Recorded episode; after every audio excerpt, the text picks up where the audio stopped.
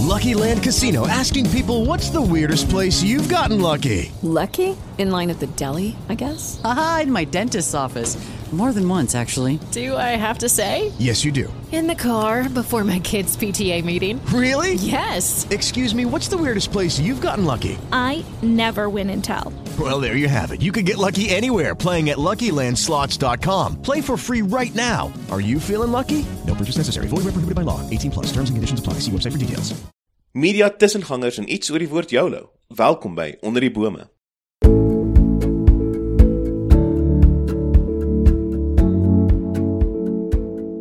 Goeiedag, jy wat honger na wysheid en kennis. Jy wat altyd meer wil weet. Onder die Bome is 'n reeks oor filosofie, bestaande uit 10 episode waar ons by die Goudefoon Inisiatief meer leer oor die inhoud, toepassing en ontwikkeling van filosofie. Die Goudefoon Inisiatief is 'n vereniging wat hom beywer vir die bevordering van die filosofie en filosofiese denke in Afrikaans. Ek is Daniel Du Plessis en in die ateljee vandag het ons Hans Pretorius, kenner op die gebied. Hierdie episode is met trots geborg deur Akademia. As filosofie, politiek en die ekonomiese sfeer jou fascineer, dan is Akademia se veelsidige graadkwalifikasie in politiek, filosofie en ekonomie die perfekte volgende stap in jou loopbaanreis. Besoek www.akademia.ac.za vir meer inligting. Nou goeiedag Hans, welkom hier by ons. Dag sê Daniel, ehm um, baie dankie en ek is bly om hier vandag te wees en oor die media te praat. Nou Hans, hierdie potsending is deel van die moderne fenomeen van alternatiewe media.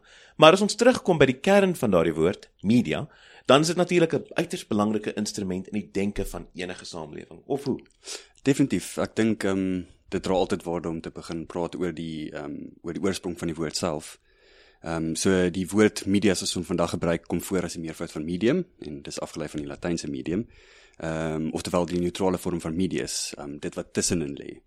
Ehm um, so die medium word is iets wat 'n vorm van oordrag impliseer of dit wat 'n netwerk tussen twee of meer ruimtes bewerkstellig en sodoende dit heg wat net na hierdie einste bemiddeling um, as 'n eenheid kan begin as 'n eenheid kan begin bestaan, skuis tog.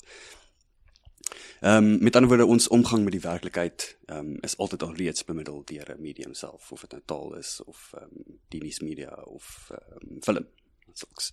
So as ek dit nou moet so opsom dan sê jy sê dis nie net dat televisie en so 'n medium is soos wat die ou Engelse grappie lê omdat dit nie rare of well done is nie. Ehm uh, inderdaad.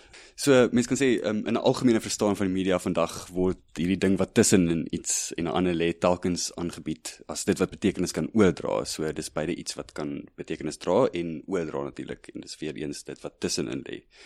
En dan het dit natuurlik die potensiaal om na iets te verwys soos 'n konsep of 'n idee. Maar sodoende word hierdie uitdrukkingsvorm elk met 'n bepaalde taal van sy eie iets wat 'n gedeelde groep konsepte en idees bloot reflekteer.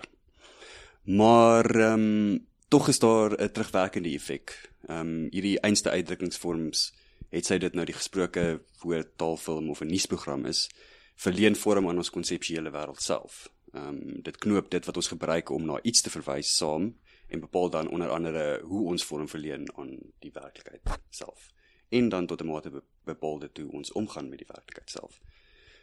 So met ander woorde sê dis daai ou ding van uh dis nie wat jy sê nie, maar ook hoe jy dit sê. Is daai is daai uitdrukking eintlik 'n bietjie dieper selfs as wat mense sou dink? Nee, verseker en ek dink hier maak iets soos uh, Marshall McLuhan ehm um, die Kanadese uh, media teoretikus as uh, stelling the medium is the message um, by a sin. Dit gaan nie net eenvoudig oor wat oorgedra word nie, die inhoud word self deur die vorm bepaal en sodoende ontstaan daar 'n uh, wederwysige interaksie tussen die twee. Mm -hmm. En dan ehm um, as mens so daaraan begin dink dan ehm um, ontstaan die idee van die effek van die media self. Ehm um, elke vorm van oordrag en bemiddeling het sy bepaalde effekte op beide die liggaam en die geestesruimte. Ehm um, waar daar telkens in die verlede gefokus is op byvoorbeeld die spesifieke boodskap of betekenis wat in byvoorbeeld die nuusmedia opgesluit lê kan ons ook na die effek van die nuusmedia op ons onmiddellike bestaanswêreld kyk um, om dan uiteindelik 'n greep te probeer kry op hoe die media tans die samelewing uh, transformeer. Ek dink dis ook 'n goeie punt om dan op daai te fokus om te vra. Nou as ons die nuusmedia vat as 'n spesifieke verskyningsvorm van hierdie beginsel, hoe verskil? Wat is die kernverskil tussen die nuusmedia en ander media? Wel, ek sal sê ehm, 'n um, fundamentele verskil is waar ander media soos film ehm um, aanspraak maak op 'n aparte bestaansruimte, met ander woorde 'n verbeelde werklikheid of fantasie gee die nuusmedia homself voor as 'n voorstelling van die werklikheid self of liewer dit wat aktueel is en ehm um, En dan as mens kyk na die medium self met die uitbreiding van kommunikasienetwerke en die skuif na veral digitale kommunikasietegnologieë, ontstaan daar die vermoë om gebeurtenisse van reg rondom die wêreld tuis te bring. So met ander woorde hierdie aksuele ehm um, word na jou toe gebring en dit word ook 'n uh, 'n gepaard gaan 'n onmiddellikheid kom ter sprake. Ehm um, so soms so uitbreiding loop daar ook 'n vernouing van die mense bestaansruimte. Ehm um, ek kan toegang verkry tot alles wat daar buite is, maar vervolgens word die nood ook geskep om aanhoudend beide kennis te neem en deel te wees van hierdie aksuele wat ewe skielik aan jou voordeur klop. Nou, is dit dalk miskien 'n bietjie gevaarlik? Is daar ehm um, sekere geneigthede of tendense wat ons sien dan in die nuusmedia wat jy dalk nie in ander media sal kan sien nie wat om dalk meer oorgelewer word aan hierdie tipe kragte.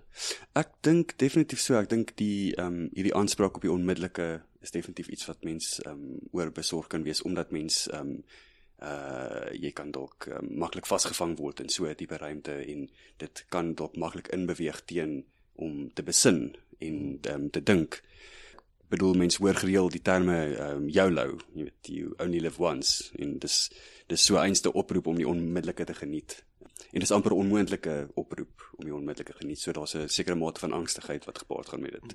So jy sê dis dis is dit dalk miskien 'n verskyningsvorm van hierdie beginsel van the medium is the message in die sin van YOLO wat sê hoorie geniet en ondersteun die onmiddellike is 'n akroniem. Daar's daar so min tyd dat hy nie eers as volledig uitgeskryf of gesê kan word nie. Sê om Ek sal sê dis 'n heel kreatiewe opmerking daai ja. Definitief. Ehm um, ek dink as jy heeltyd onmiddellik moet wees en jy moet ehm um, vinnig beweeg dan ja, verseker die wêreld ons gaan dalk opeindig in 'n wêreld wat net in akronieme praat moontlik. Hmm. Ehm um, ek sal ook sê die die gepaardgaande ehm um, FOMO dan word 'n fear of missing out is maar eintlik maar dieselfde selfde ding dis dieselfde ehm um, ag uh, ander kant van dieselfde muntstuk. Nou die media as industrie, nê, nee, is is is 'n interessante ding wat hierso inskakel.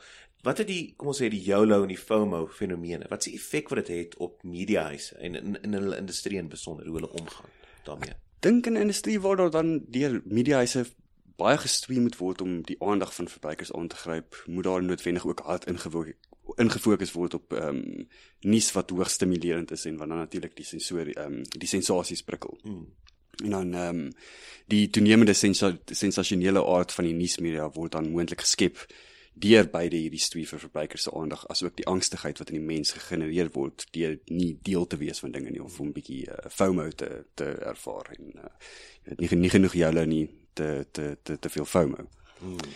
En dan ehm um, Ja, dan met die bogenoemde as agtergrond kan mense dalk die volgende vraag vra. Ehm um, wat beteken dit vir die nuusmedia om verantwoordelik om te gaan met hulle rol as dit wat tussen die mens en die werklikheid staan?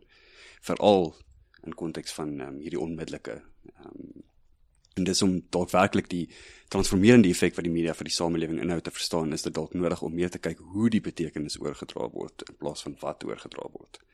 Ehm um, met ander woorde die spesifieke effekte wat byvoorbeeld die nuus op op op die lyf en die geestesruimte het. En die betekenis uh, oftewel die effek wat dit op die geestesruimte het, lê dan dalk liewer in die betrokke tegnologiese medium as ook die spesifieke vorm van die program self het sy dit dan in die nuus of die sport of die realiteitstelevisie is. Hmm, ek dink as ek reg onthou is dan McLuhan wat jy vroeër genoem het, is daar nogals verwysing na die idee van die die die medium wat verander. Ehm um, na gelang van sekere faktore, onder andere om te beweeg na iets wat 'n klein bietjie meer onmiddellik, 'n bietjie meer natuurlik is. Die die skuif van die geskrewe na die visuele was ek dink 'n groot deel gewees ook van daai argument. So jy sê dan dat ons kan verwag dat boodskappe, soos wat mediums verander, ook sal verander en, en bly verander in die toekoms. Ehm um, ek, ek dink ons kan voorspel hoe dit gaan wees nie, maar hmm. wat dink jy sal die effek wees van sulke verandering op die manier wat mense miskien self dink aan die aan die media en die die omstandighede rondom hulle? Wel, ek dink verseker, ek dink dit is iets wat altyd gaan verander, maar ek dink ook mense moet hoogs ehm um, bewus wees van hierdie veranderinge. Ek dink hmm. uh, McLuhan self het gesê dat ehm um, jy weet um, mense het baie teen hom gegaan en gesê uh um, hoor jy so jy maak nooit waarde vir vir ons onderstellings nie. Ehm um, jy onder um, soek net die media en maar jy sê niks ehm um, waartoe moet ons gaan of wat moet ons doen nie. Sê ehm um, hy sal nie iets studeer wat ehm um, hy nie ehm um, oor oor oor krities is nie of dit ehm um, wat hy nie dink is moontlik gevaarlik nie sodat jy hoe meer jy weet, weet jy wanneer om die knoppie af te skakel. Hmm. En dat dalk ehm um, iets wat voorgehou kan word is jy's iets om teen hierdie ruimte van onmiddellikheid te beweeg en dan iets wat meer besinning kan aanwakker.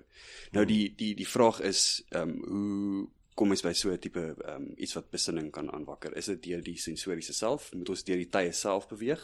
Hmm. Ons kan nie net bloot terugkeer na ehm uh, um, ehm um, weet denkartikels um, wat jy byvoorbeeld sal kry in bylae wat dan um, dit verloor amper sy effek. Dit hmm. dit raak dit raak iets wat op sy geskryf word. Ehm um, jy lees daai bylae juist sodat jy die res van die sens um, sensasionele kan geniet. Hmm. Ek sal nou nie name noem nie, maar so ek dink 'n uh, moontlike ding kan dalk wees om deur hierdie hierdie ehm um, sensoriese self te beweeg, juist om hierdie onmiddellike te suspendeer. Hmm. Ehm um, en hoe mense dit mo moontlik kan bewerkstellig, is ek nie seker oor nie, maar ek dink definitief om te kyk na hierdie einste fenomene fenomene van die onmiddellike ehm um, mag mens dalk aan dan na die regte rigting toe.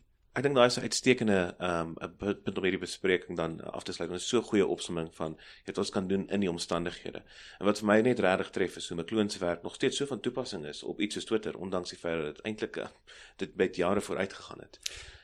Definitief. En ek dink dis ook iets wat ehm um, veral in die in die ehm um, in die, in die akademie op sy gestyl word, jy weet, jy ehm um, die meeste media uh, teoretici fokus maar op die kulturele marxisme mm. of iets soos dit ehm um, jy weet hoe word betekenis in 'n sekere manier georiënteer. Hmm. Ehm mm. um, en dan word iemand soos McLuhan wat dalk 'n baie kreatiewe denker was en sy jare ver vooruit was, word bietjie op sy gestaan. So mm. ek dink dit definitief waar om meer terug te keer na iemand soos McLuhan en juis iets wat fokus op die effekte van die media self. Hmm. So. Ek hoop dat jy as luisteraar meer weet oor die media en die rol wat dit binnekant ons wêreldbeskouing speel. Na hierdie episode van Onder die Bome. Skakel gerus volgende week in as ons besonder kyk na films en waarom hulle besonder is. Onder die Bome word aan jou gebring deur Pot Media en die Garafoon Inisiatief in samewerking met Marula Media.